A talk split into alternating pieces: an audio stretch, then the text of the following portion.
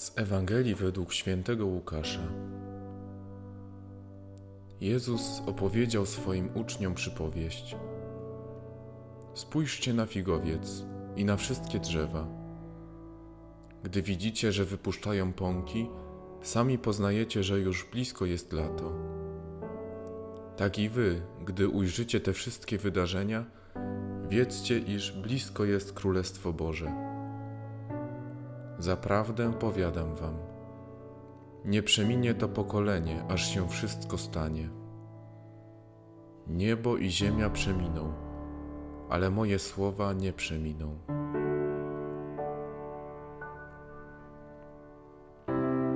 Słysząc o przyjściu Królestwa Bożego, część z nas, chrześcijan, reaguje ze strachem.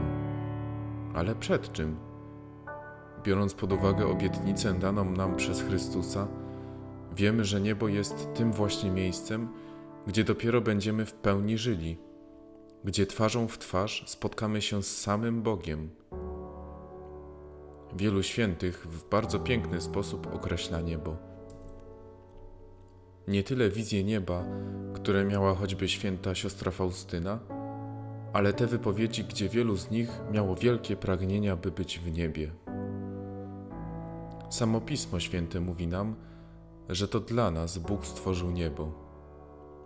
Chciejmy więc iść tam, gdzie Pan przygotował dla nas miejsce. To znowu może nam się źle kojarzyć, a nie powinno. Nikt nie jest w stanie wyobrazić sobie lepszej perspektywy na wieczność, jak ta z Bogiem. Powinniśmy zatem inwestować w Królestwo Boże jak tylko potrafimy.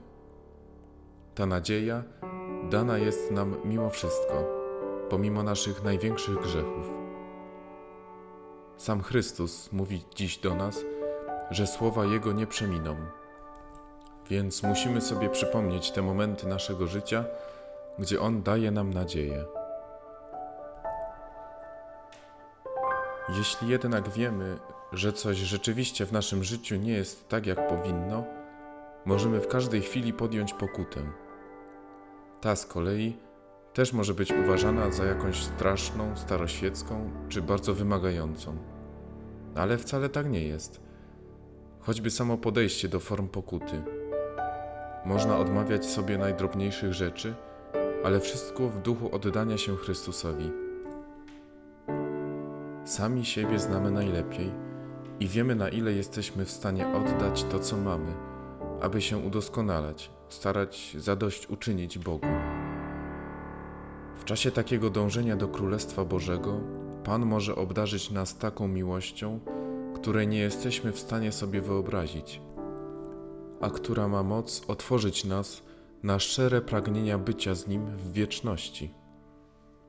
Zawalczmy o swoją przyszłość, zawalczmy o swoje życie wieczne, zawalczmy o to, abyśmy mogli w wieczności radować się Bogiem.